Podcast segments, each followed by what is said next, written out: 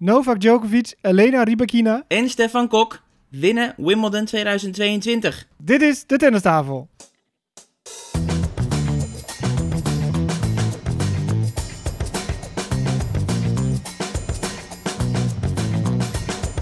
Please take your seats quickly, ladies and gentlemen. Thank you.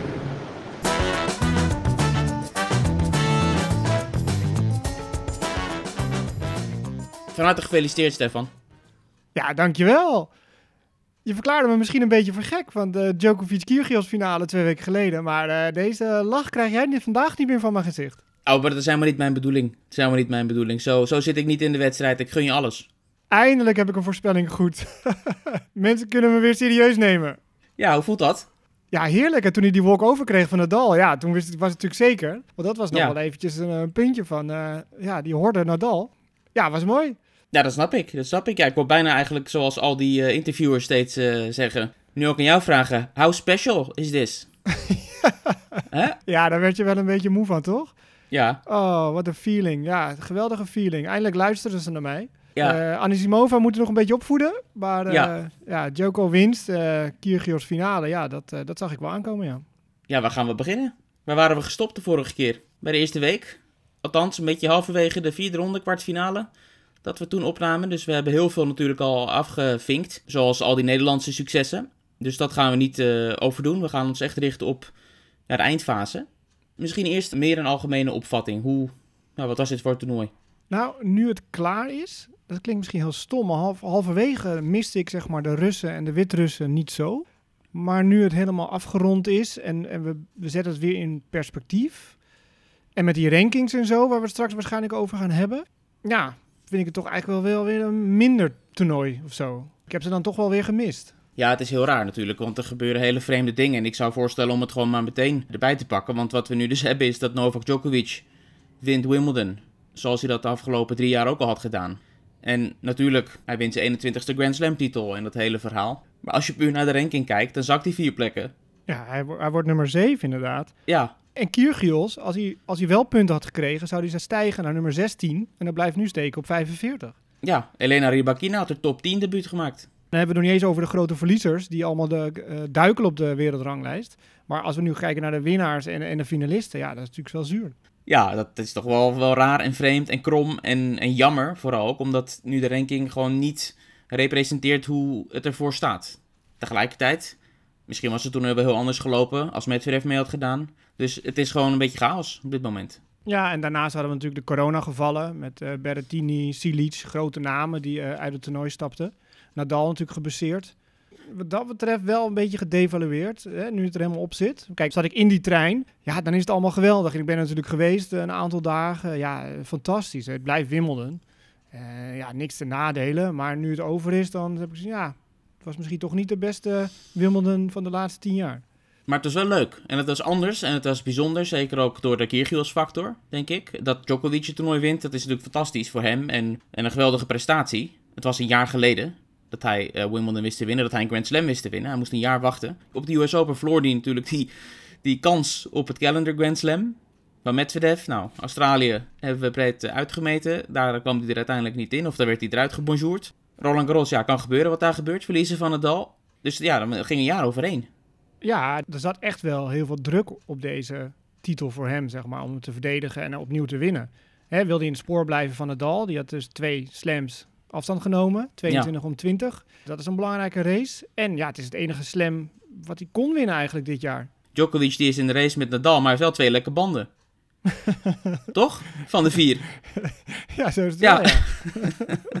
Daar komt het op neer, want twee van de vier slams kan hij waarschijnlijk niet spelen. Voorlopig. Ja, ja, nee, Ja. Voorlopig, nou, voorlopig niet. Eh US Open kan hij eh, vergeten als de regels niet veranderen. Ja. Nu heeft Nadal ook wel een flinke scheuren in een van zijn banden. Met zijn buik. Ja, zijn, eh, zijn voorvleugel is stuk. Ja, het was enerzijds jammer dat we die directe clash niet kregen. Omdat zij zo met elkaar in die tweestrijd zitten. Maar waarom ik zei het is wel leuk en interessant dit toernooi, is, is die Kyrgios-factor. Dat hij in een Grand Slam finale staat op zich is natuurlijk al waanzin. Ja, en maar goed ook dat hij hem verloren heeft. Want eh, ik zat die persconferentie even terug te kijken. En eh, Stel had gewonnen. Ja, had hij gezegd van ja, dan weet ik niet of ik nog motivatie had kunnen vinden om überhaupt nog ergens een toernooitje te spelen. Want dan heb ik het hoogst haalbare wat er is gewonnen. Ja, Ja, alles is minder. was een mooie opmerking. Want hij zei, het is beter inderdaad dat ik dit verloren heb. Omdat ik nu wel weet van mezelf dat ik dus in een Grand Slam finale... kan ik de grote Novak Djokovic kan ik drie uur bezighouden. Zo ver ben ik niet verwijderd. Was ook niet zo, want ehm, ondanks dat Djokovic op een gegeven moment echt een bizar niveau haalde en de onnodige fouten totaal eh, verdwenen waren, waren ze toch best wel dicht bij een vijfde set. Toch? Een tiebreak scheelde het. Ja, hij speelde wel een hele slechte tiebreak eigenlijk. Ja, ja. Eh, misschien ook wel afgedwongen door Djokovic. Maar wat maakt voor jou Djokovic dan zo goed op gras? Dat hij zeven titels haalt en al sinds 2013 niet meer verloren heeft op het centercourt en vier titels op rij.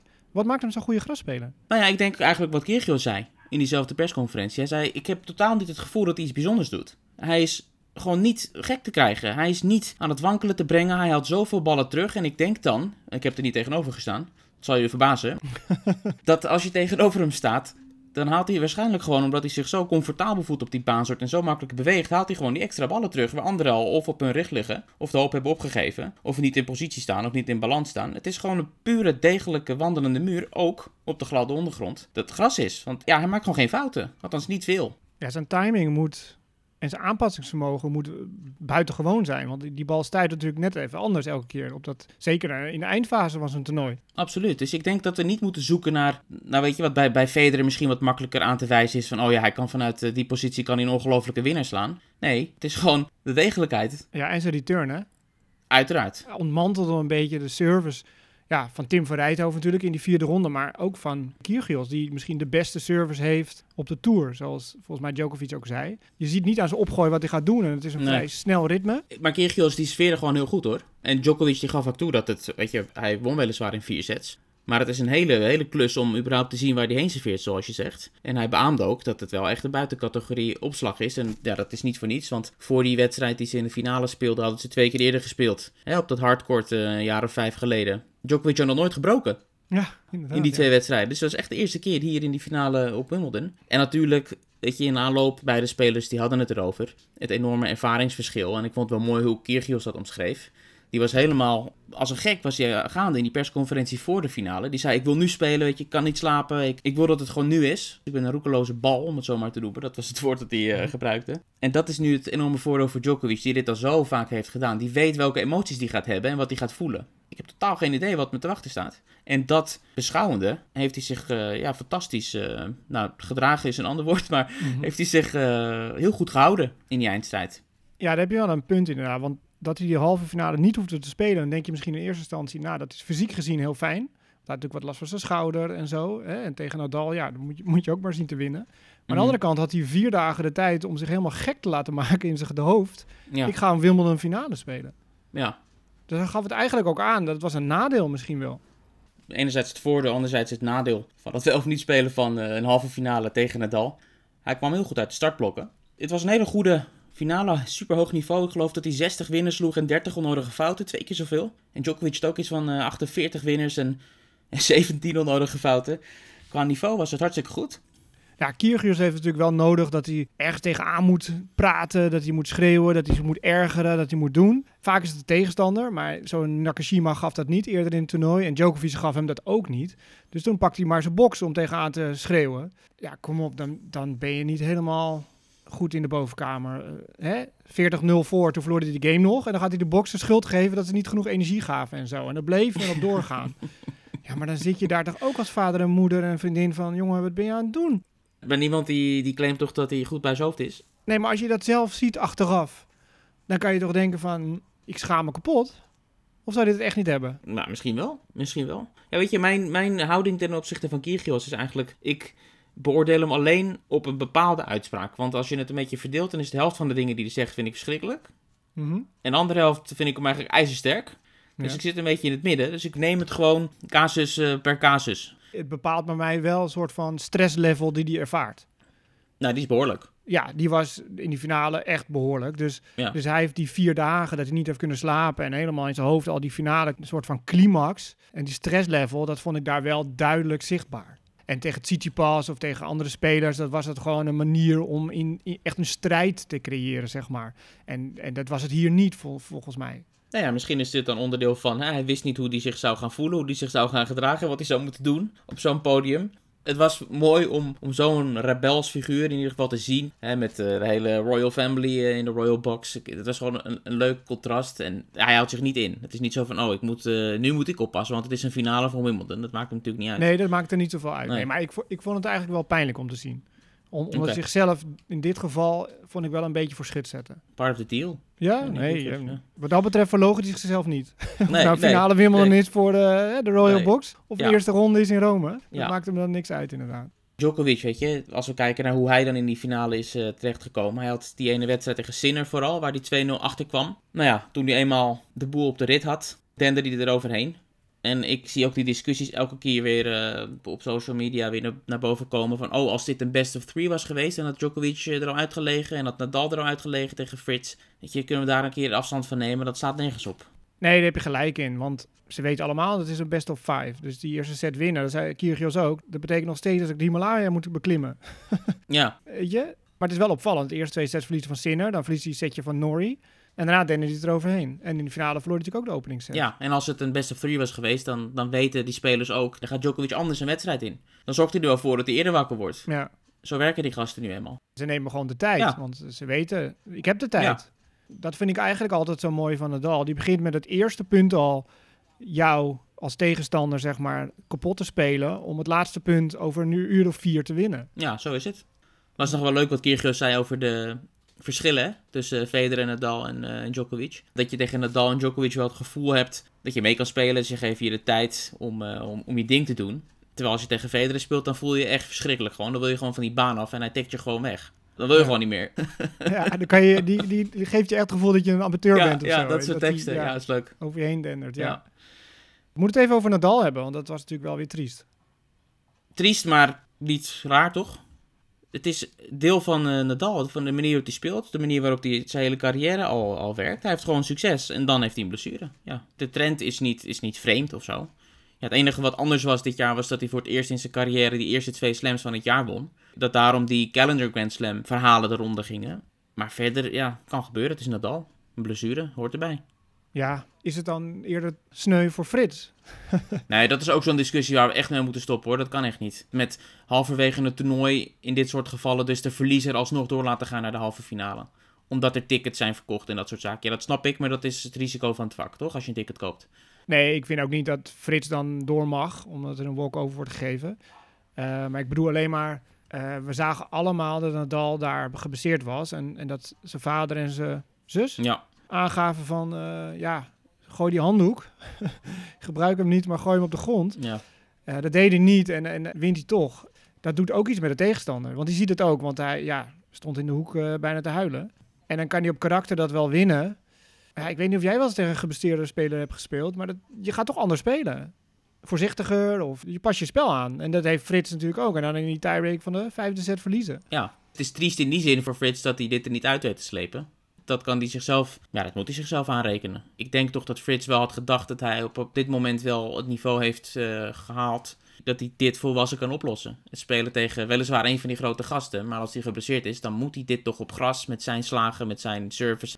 Moet hij er toch uitslepen. Ja, maar hij gaf ook heel terecht aan van ik verdiende het niet. Hè? Als ik niet kon winnen van Nadal, ook al is hij gebaseerd, dan verdien ik het niet om in de halve finale te staan. Nee, en het was de meest verschrikkelijke nederlaag die hij ooit eh, had geleden, zei hij. Ik kan me voorstellen dat het nog wel eventjes eh nadreunt. Ja, dat knaagt wel een beetje, ja.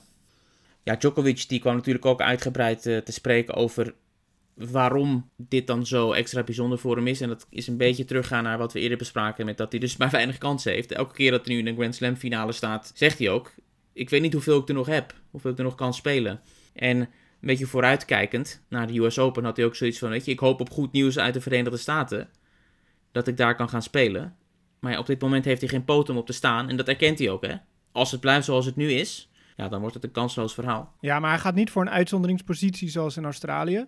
Die hoop heeft hij een beetje laten varen, maar het is meer van de algemene regels. Het inreisverbod voor ongevaccineerden moet komen te vervallen, anders is het eindoefening voor Djokovic. Zo simpel is het. Ja, precies. En daar heb je toch niet zoveel invloed op, want dat is gewoon een regeringsbesluit. Ja. Dus dat is de enige, enige wat hem kan redden. En dan wil hij twee toernooien spelen voor de US Open en dan de US Open. Ja. Eh, en anders wordt het een lange vakantie, zoals Goran Ivanisevic zei. Ja. Ik ga morgen op vakantie en ik zie het wel. Dan moet hij, zei hij, ja, gaan bedenken hoe hij dit verder gaat eh, invullen. Hij gaat sowieso niet eh, spelen wat hij kan spelen om punten te verdienen en zo. Dat is allemaal iets wat hij helemaal niet interessant vindt. Hij, hij vindt het ook leuk en terecht dat hij dat vaak ter sprake brengt. Ik heb de zogenoemde historic number one. Dat record heb ik al van de meeste weken op de nummer 1 positie. Dus totaal irrelevant op dit moment waar ik sta op de ranking. Zolang ik maar hoog genoeg sta om aan de ATP finals mee te kunnen doen. En daar schijnt een regel te bestaan dat als je een Grand Slam hebt gewonnen, dat je automatisch gekwalificeerd bent, mits je in de top 20 eindigt. Dat gaat wel lukken.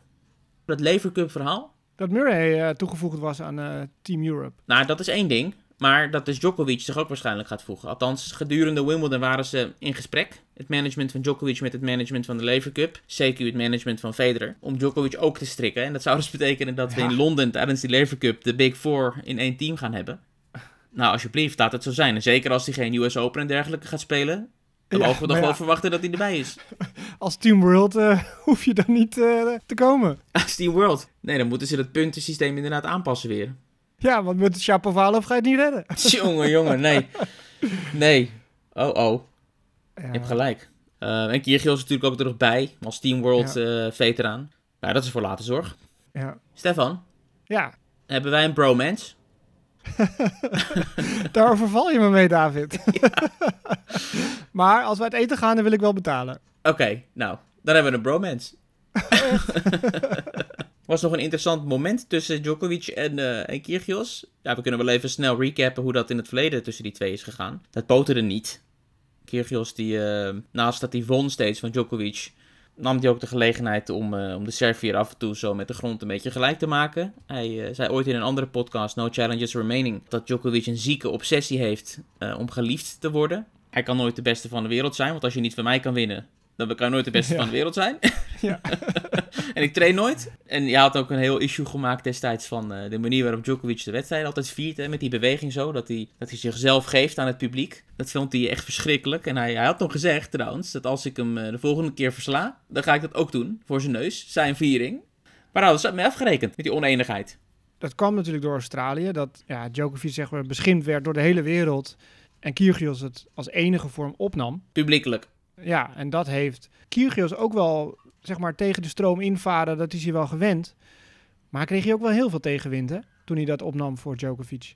Het hele land eigenlijk. Nee, zeker, want het was duidelijk dat het hele land was, uh, was woest op Djokovic. En om dan te ja. zien dat Kyrgios het voor hem opneemt. En Kyrgios die noemt dat, ja, weet je, ik zag dat hij in een soort levenscrisis zat om dan niet op te staan en om dan geen steun te geven, dat, ja, dat vond hij een soort van onmenselijk. En als Djokovic en zijn team en dat allemaal mogen aanhoren, waren dat echt verschrikkelijke tijden voor hem. In dat detentiecentrum, in afwachting van deportatie en die, en die rechtszaak. Dus ja, voor Kyrgios was het zoiets van, ja, het was logisch voor mij om dan iets van mij te laten horen. En dat heeft Djokovic vervolgens enorm gewaardeerd daarom hebben ze het sindsdien hebben ze het bijgelegd. En ja, appen ze zelfs nog. En DM'tjes uh, sturen ze over en weer. Wat, wat Kyrgios een beetje ongemakkelijk maakte. Wetende natuurlijk hoe die hele tijd ervoor uh, ging. Maar ja, zodoende. Ze zijn een soort van vriendjes. Hey, even over die rankings van de mannen. Voordat we doorgaan naar de vrouwen, denk ik. Botik stijgt. Door ja, puntverlies van anderen. 24. 24. Tellen stijgt richting binnen de top 50. Top 50 doorbraak. Ja, dat is mooi. Tim blijft er net buiten staan nog, ja. top 100. Dus die moet nog even wachten. 103, hè? Ja, dus die moet in Newport, uh, of moet. Ja, ja, daar ligt dan opeens druk op. Ja, ja. In Newport op het gras ja. uh, daar uh, komt hij deze week in actie. Maar ja, Fuchsovic, die kukelt 45 plaatsen of zo. Ja. En ja. Goffin haalt gewoon kwartfinale. Gaat ook 35 plaatsen achteruit. Het is, het is bizar. Dat waren de mannen. Ja, Ribakina? Ja. Of Ribakina? Ribakina. Oké, okay, ja, jij bent expert. Ja. Een Russische winnares. Geboren en getogen in Moskou. Ja, dus uh, alle goede plannen van Wimbledon. Uh, nou ja, ze deden er wel alles aan om duidelijk te maken dat het geen Rusin is. Hè. Zelfs tijdens die prijsuitreiking zeiden ze nog. En de voorzitter van de Kazachse tennisfederatie zat de hele week al in je box. Dus ja. ze wilden dat op alle mogelijke manieren aanstippen. Dat ze geen Rusin is. Maar goed, ze is pas vier jaar uh, Kazachs. Want daarvoor was het gewoon Russisch. Ja. Ja, maar weet je nog dat ik uh, vier jaar geleden, toen ik dat stuk schreef in Tennis Magazine over uh, het Russisch tennis, toen was ik ook in Moskou op de Kremlin Cup. En toen had ik een gesprek uh, voor dat artikel met de grote paas, hè, Shamil Tarpishev. Ik denk dat de aandachtige volgers van het tennis hem wel kennen, omdat hij zo nu en dan met wat, wat uitspraken ja. uit de hoek komt. maar ik had een interview met hem en ik ja, confronteerde hem met dat gegeven. Van hoe zit dat nou met die spelers die weglopen en voor Kazachstan uitstekend staan te spelen. En toen had hij een heel verhaal daarover. Erkende dat hij dat jammer vindt, dat dat gebeurt. Maar hij zei, ik heb nu eenmaal een budget. En ik geloof dat het waren 73 spelers of zo... waar ze op dat moment dan uh, budgetten voor klaar hadden liggen. En ze moeten soms keuzes maken. En er vallen er dan soms een paar buiten de boot... die dan zoiets proberen. Zoals Bublik, zoals Putintseva en zoals Rybakina nu. Die dan uh, naar Kazachstan gaan. En nu is dit wel het ultieme. Dat ja. zo iemand dan Wimbledon wint. Ja. Maar het is niet dat ze daar uh, blij mee zijn. En, en Rybakina die zegt dat zelf ook altijd. Hè? Op het moment dat de Kazachse tennisfederatie mij aannam, bakte ik er helemaal niks van. Dus ik ben ze zo super dankbaar, omdat ze op dat moment dus al vertrouwen in ja. mij hadden kennelijk. En daarom is ze zelf ook uh, de eerste die dat steeds herhaalt van hè, bedankt Kazachstan, bedankt Kazachstan. Dus het is wel iets genuanceerder dan uit Rusland weggezet en daarom Kazachstan. Daar heb je helemaal gelijk in. Uh, geweldige winnares vind ik. Ja, ik ook. Ik ook. Ja, ik tipte er eigenlijk als winnares van Rosmalen en toen bakte ze er nog helemaal niks van. Nee. Maar uh, ze is echt gegroeid in dat grasseizoen. Het is een hele interessante speelster. En misschien weet je het nog, toen de coronapandemie nog niet was begonnen, vlak daarvoor was zij zo geweldig op dreef. Had ze fantastische resultaten. Zij was echt begonnen aan een soort opmars. En toen beukte die coronapandemie erin en werd dat zeg maar in de kiem gesmoord een beetje. En nu zijn we wat verder en is alles weer een beetje bij het oude. En dan zie je dat zo iemand dat toch dan weer weet op te pakken. Ze had natuurlijk vorig jaar wel die doorbraak dat ze op Roland Garros de kwartfinale haalde. En daar heel droog van Serena Williams won. In twee sets. En deed alsof dat de normaalste zaak van de wereld ook was. Nee, jij schreef het zo mooi in Tennis Magazine. Je ziet geen verschil of ze Wimbledon heeft gewonnen of dat ze de vaatwasser gaat uitruimen. Nee, precies. ja. ja. Nee, maar dat is zo. Het is zo. En dat is denk ik haar kracht. Weet je, dat ze zo evenwichtig is tussen de oren. Ja, of dat is uiterlijke schijn. Dat weet je natuurlijk niet. Ja, maar heb jij het gevoel als je haar ziet spelen dat ze, dat ze heel paniekerig uh, raakt? Ja, ze mist wel eens wat, omdat ze gewoon een heel aanvallend speltype heeft. Maar ik vind het altijd wel gewoon cool of zo. Ja, dat wel. Maar ik vind wel, het is of onwijs goed, of het is middelmaat. Want echt handig of zo met een racket is er ook weer niet. Maar ze heeft natuurlijk fantastische service. Goede voorhand. Uh, Jabeur Ace- probeerde het met alles, met die korte balletjes, om die handigheid in haar speeltuin te trekken. Ja. Eh, maar dat power tennis, dat liet het dan toch uiteindelijk niet toe. Maar elk dropshotje wat goed was, leverde wel een punt op voor ons. Zonder meer, maar er zaten een heleboel die niet goed waren. Ja, dat is waar. Nee, ja, het was een mooi contrast in die finale. Ik moet zeggen, ik vond Rybakina op momenten ook heel goed hoor. Met slices en met, met volleys. Weet je, soms dan, dan werd ze ook naar voren gelokt en had ze best nog wel een handig passeerballetje. Of stond ze goed klaar om die volley te anticiperen. Het klikte allemaal heel goed uh, in elkaar. Wat heel vreemd was, enerzijds ook omdat ze een dramatische voorbereiding had. Rybakina. Ze was ziek, ze was geblesseerd. Ze heeft toch COVID gehad, waar ze heel veel last van heeft gehad voor langere tijd. Dus ze kwam ook dit toernooi in zonder enige verwachting. En ja, dat uh, werkt bevrijdend, kennelijk. Ja, inderdaad, ja. Ja, maar ja, gras is dan toch weer een soort van baansoort, hè? Waar alles kan gebeuren. Nou, ze heeft de meeste aces, hè, van uh, de Tour. Dus dat helpt natuurlijk. Moeilijk te ja, breken. En die, en die wedstrijd tegen Halep, dat was, was waanzinnig goed. Ja. Die halve finale, was echt heel hoog niveau. Halep stond volgens mij ook niet verkeerd te spelen. Alleen, Halep heeft natuurlijk altijd het risico dat ze van de baan afgeslagen kan worden op power. En dat gebeurde wel een beetje. Ja, het was gewoon niet meer te belopen op een gegeven moment. Nee. 6-3, 6-3. Maar zat jij in het kamp Jabeur of zat je in het kamp uh, Rybakina? Hoe bedoel je? Nou, gewoon had je een favoriet in de finale. Ik ben een onafhankelijke journalist, Stefan. ik dacht dat je wel een beetje Jabeur uh, adept was. Zeker, ik hoef niet uh, te verbergen dat ik het een fantastische speler vind en dat ik haar speltype heel leuk vind en haar gewoon een leuke verschijning vind. En ik heb er op de Tour nu ook een paar keer uh, kunnen spreken, één op één. En ook daarin is ze buitengewoon vriendelijk en ze heeft een fantastisch verhaal. En als Tunesische zoiets doen, dat Afrikaanse continent, dat maakt wat mee qua tennis, via haar. Denk je? Qua gewoon dat ze elke week wel iets doet wat nog niet eerder is gedaan. Ik kan niet beoordelen hoe erg ze in Tanzania bezig zijn met uh, onze beur. nee, precies ja.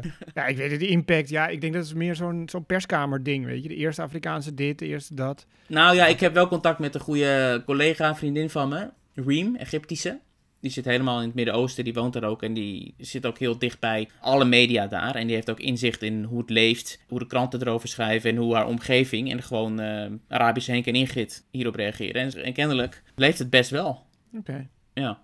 Ja, ze heeft wel de gunfactor, denk ik, van het hele grote publiek. Ze is uh, extravert, ze is lief, ze is uh, minister ja. van positiviteit. Ja. Ze had uh, de Wimbledon-trofee al op de telefoonscreen ja. staan. Ja, misschien heeft het een beetje gejinxed. ja, nou ja, ze zei vorig jaar, hè, nadat ze verloor in de kwartfinale, geloof ik, had ze het voornemen, volgend jaar kom ik terug om te winnen. En ze was super close. En ja, het was een beetje wachten hè, op de Grand Slam doorbraak van uh, Japeur. Het verwachtingspatroon was zo groot dat zij iets uh, zou presteren op een Grand Slam toernooi, dat ze in de eerste ronde eruit vloog op Roland Garros. Ja. In feite. Ja, omdat hij in aanloop van Roland Garros zo waanzinnig goed was, Ja. samen met Swiatek. Ja. Er waren de, de, ja, de speelsters in vorm en toen leverden ze niet. Dus misschien door die eerste ronde verliespartij nam die druk wat weg, misschien van Wimbledon. Precies. En ze speelt super graag hè, op gras, weet je. Dat, dat is altijd het begin. Als jij goed wil spelen, goed wil presteren op Wimbledon, dan moet je het gewoon omarmen. Anders wordt het niks. Maar ja, eerst zet je winnen en dan er ging toch wel iets door dat kopje toen hoor. Ja, en Rybakina kwam er wel beter in steeds, moet ik zeggen. En dat was natuurlijk het ene moment. In die derde set kon ze of de rebreak plaatsen of een break voorsprong pakken. Weet je nog, aan het net weer met zo'n dropshotje dat dan net niet viel. Ja, Dat verloor Ja. ze en toen was het klaar, eigenlijk. ja en toen was het 5-2 en toen... Het verlies had ze al geaccepteerd, zeg maar. Of dat verwerkte ze al in die sit-down. En toen moest uh, Rybakina serveren voor de wedstrijd die dat vlekkeloos deed. Mhm. Dat vond ik ook heel knap. Met een love game en volgens mij drie aces of zo. Dat was echt... poeh, petje af. Vuistje omhoog, handje bij het net. ja, dat was het. ja, ja. Nee, de tranen kwamen wel, hè, uiteindelijk nog in de persconferentie. Dat ze dus geconfronteerd werd of gevraagd werd naar hoe haar ouders zouden reageren op deze prestatie van haar. Nou, toen brak ze wel. En toen nam ze even een kort momentje voor zichzelf. En toen zei ze, ja, jullie wilden emotie, hier heb je het. Ja, ja was mooi. was mooi eh, humor. Ja.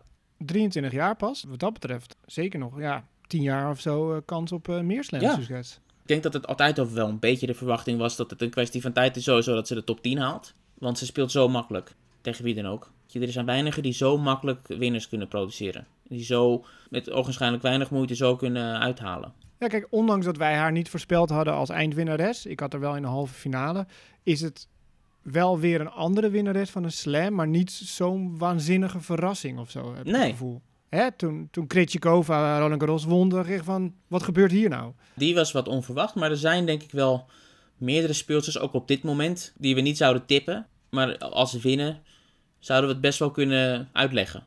Ja, ja, ja, Ja. precies, ja. En, Ja. en met haar spel ook. En als zij US Open wint, zou ik Ja. niet verbaasd zijn. Ik denk dat ze overal wel eh, op kan spelen. Zullen we dat anders zo doen voortaan? Dat we niet van tevoren zeggen wie wint, maar dat we gewoon afwachten wie er wint. En dan achteraf claimen van ja, maar dat, dat hadden we eigenlijk wel in de gaten. Ja, ja, ja, precies, ja. Tuurlijk, is logisch. ja, hebben we het nooit meer fout. Nee, precies, ja. We moeten eigenlijk gewoon altijd... Zeg maar, we beginnen het jaar in december en we eindigen het jaar in januari. Met onze podcast. we tellen af. We tellen terug. Ja. Oh, oh.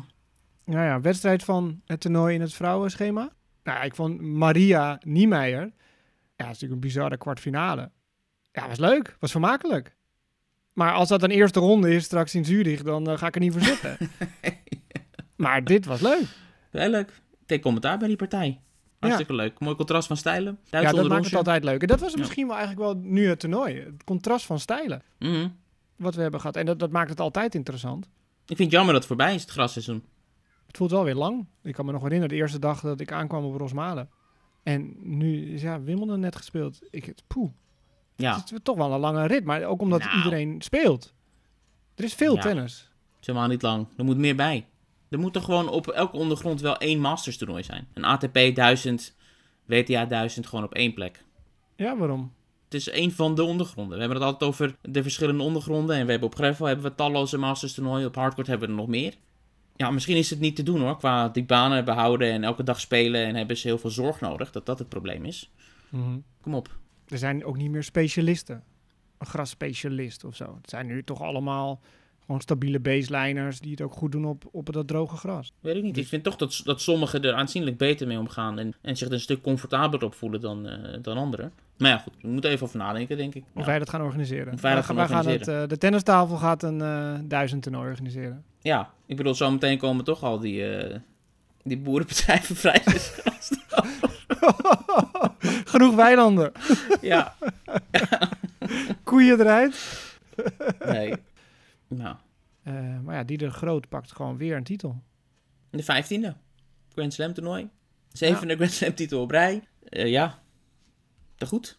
Succes was er ook bij de quad. Nederlands succes. Jij hebt denk ik niet gekeken hè, naar die eh, wedstrijd. Sam Schreuder tegen Niels Vink. Dat was de finale. De Kyrgios was er niks bij. De gemoederen liepen daar vrij hoog op. Oh, vertel. Niels Vink, de nummer 1 van de wereld, de top seed. Staat ook een heel leuk interview met hem in aankomende Tennis Magazine. Mocht u kennis willen maken met hem. Ja, die was niet zo blij met de gang van zaken. Ja, met zijn eigen niveau vooral. Ten eerste, toen hij de eerste set verloor, sloeg hij de bal uit het stadion. Nou, waarschuwing 1. Vervolgens smeet hij met zijn racket. Nou, dat was dan geen waarschuwing. Ander moment, een beetje à la Tsitsipas, sloeg hij ook nog even een bal eh, heel wild weg. Waarop Sam Schreuder, zijn tegenstander, aan de umpire vroeg, was dat geen disqualificatie dan? Wat hij doet. Ah. Ehm, Fink die klaagde nog bij de umpire over dat Schreuder werd gecoacht voortdurend. Waarop de Braziliaanse umpire zei, ja sorry, ik spreek geen Nederlands. En volgens mij is het gewoon aanmoedigingen. Ja. Ehm, dus ik weet niet of dat coaching is. Waarop Fink weer zei, oké, nou dan ga ik dat ook doen met mijn coach. Dus het Ah. was nog vrij spannend en pittig. Oh, dus ze spaarden elkaar absoluut niet. Terwijl Nee. ze later nog even samen moesten dubbelen. Ja, en de, en de winst pakte. Ja. Ja, Nou ja, het is ook topsport voor die gasten, hè? ja absoluut, absoluut. Die werken er knijter hard voor. En ja, de schemaatjes zijn nog heel klein. Ja, Het is wel heel zwaar op dat gras. Met een rolstoel, heb ik begrepen. Heel lang, heel lang was er ook geen single op Wimbledon. Alleen Ja. dubbel. Het verschil met hardcourt en gras is, als je op gras zeg maar één keer aanzet, dan kom je twee meter vooruit. Terwijl op, op hardcourt ben je aan de andere kant van de baan. Dus je moet veel meer werk verzetten. Dus dat Ja. maakt het fysiek eh, uitdagend. Ja, klinkt logisch. Maar ja, deze week eh, gaan we weer naar gravel. Ja, en een beetje gras nog. Ja. Ik wil ook nog even vermelden dat eh, Leslie Patinama Kerkhoven ITF-toernooi heeft gewonnen in Portugal. Ze toonde zich aan de wereld natuurlijk in de tweede ronde van eh, Wimbledon tegen Swiatek, waar ze een Mhm. heel goed niveau haalde. En eh, ja, die vorm heeft ze er meegenomen. Ja, het is natuurlijk maar een ITF-toernooitje, klein, op hardcourt. Eh, maar goed, ze wint het. Titel is een titel. Titel is een titel. eerste van het seizoen volgens mij. Ja, zakt wel flink op de wereldranglijst. Maar goed, heeft weer wat wedstrijden in de benen. Ja, Dat is mooi. Deze week Dutch Open in Amersfoort in Nederland. Gravel tennis met Tellen Griekspoor als de eerste geplaatste. oké. Gaan we wel even heen een dagje. De banen van eh, Alta. Tim van Rijthoven die nog op gras speelt in eh, Newport. Treft een qualifier. Zit niet tegen met de loting. Nee, wat dat betreft niet. Dan ben ik echt heel benieuwd naar hoe hij zich daar houdt. Maar de grote vraag is en blijft de andere ondergronden. Ja, en er komen verwachtingen kijken nu. Hij lijkt me niet zo gevoelig of zo daarvoor. Ook waar we het vorige keer over hadden, hè, dat hij zo taakbewust altijd speelt. Ik denk dat dat wel een goede formule is voor hem. Maar we kunnen niet ontkennen dat er verwachtingen zijn en dat hij straks misschien wel een favoriet is in een wedstrijd en zo, weet je. De dynamiek is toch veranderd. Ja, En alleen maar leuk, hè? Alleen maar goed. En dat wil je ook. zeker. We willen Dus gewoon dat- die drie eh, jongens in de top 100 hebben. Ja, absoluut. Hij wint maar lekker. Dan eh, gaan we ons opmaken voor de, de nieuwe toernooien die eh, voor ons liggen. We hebben drie van de vier Grand Slams nu gehad. Het grasseizoen zit erop. Wat resteert is nog het Noord-Amerikaanse hardcourt seizoen. Even klein dipje misschien, maar er komen eh, fantastische weken aan. Maar ook nog met Davis Cup en Lever Cup en Billie Jean King Cup en zo. En ja, en de US Open nog. Volgens mij ga je zelfs naar Noord-Amerika. Ja, ik ga naar Washington binnenkort. Waar uh, Botik, als het goed is, gaat spelen. En naar Cincinnati, Masters toernooi daar. Uh, dat is allemaal in augustus. Uh, maar we spreken elkaar tot die tijd nog. Maar dat is inderdaad uh, het plan. Mooie vooruitzichten. Absoluut. De tennis tour, ja, dat blijft maar doordraaien. Dus wij blijven natuurlijk ook gewoon elke week opnemen. Volg ons op de socials. Dat vergeten we eigenlijk altijd te zeggen. Kiergios volgt ons al natuurlijk. Hè? Ja. At de tennistafel, uiteraard. Uh, DM ons wat je ervan vindt. Stuur ons berichtjes. Hè? We, we, we, maken het natuurlijk voor de luisteraars. We doen ons best. Maar als het beter kan, wat ik niet uitsluit dat het beter kan. Dat kan ik me niet voorstellen. Tot volgende week.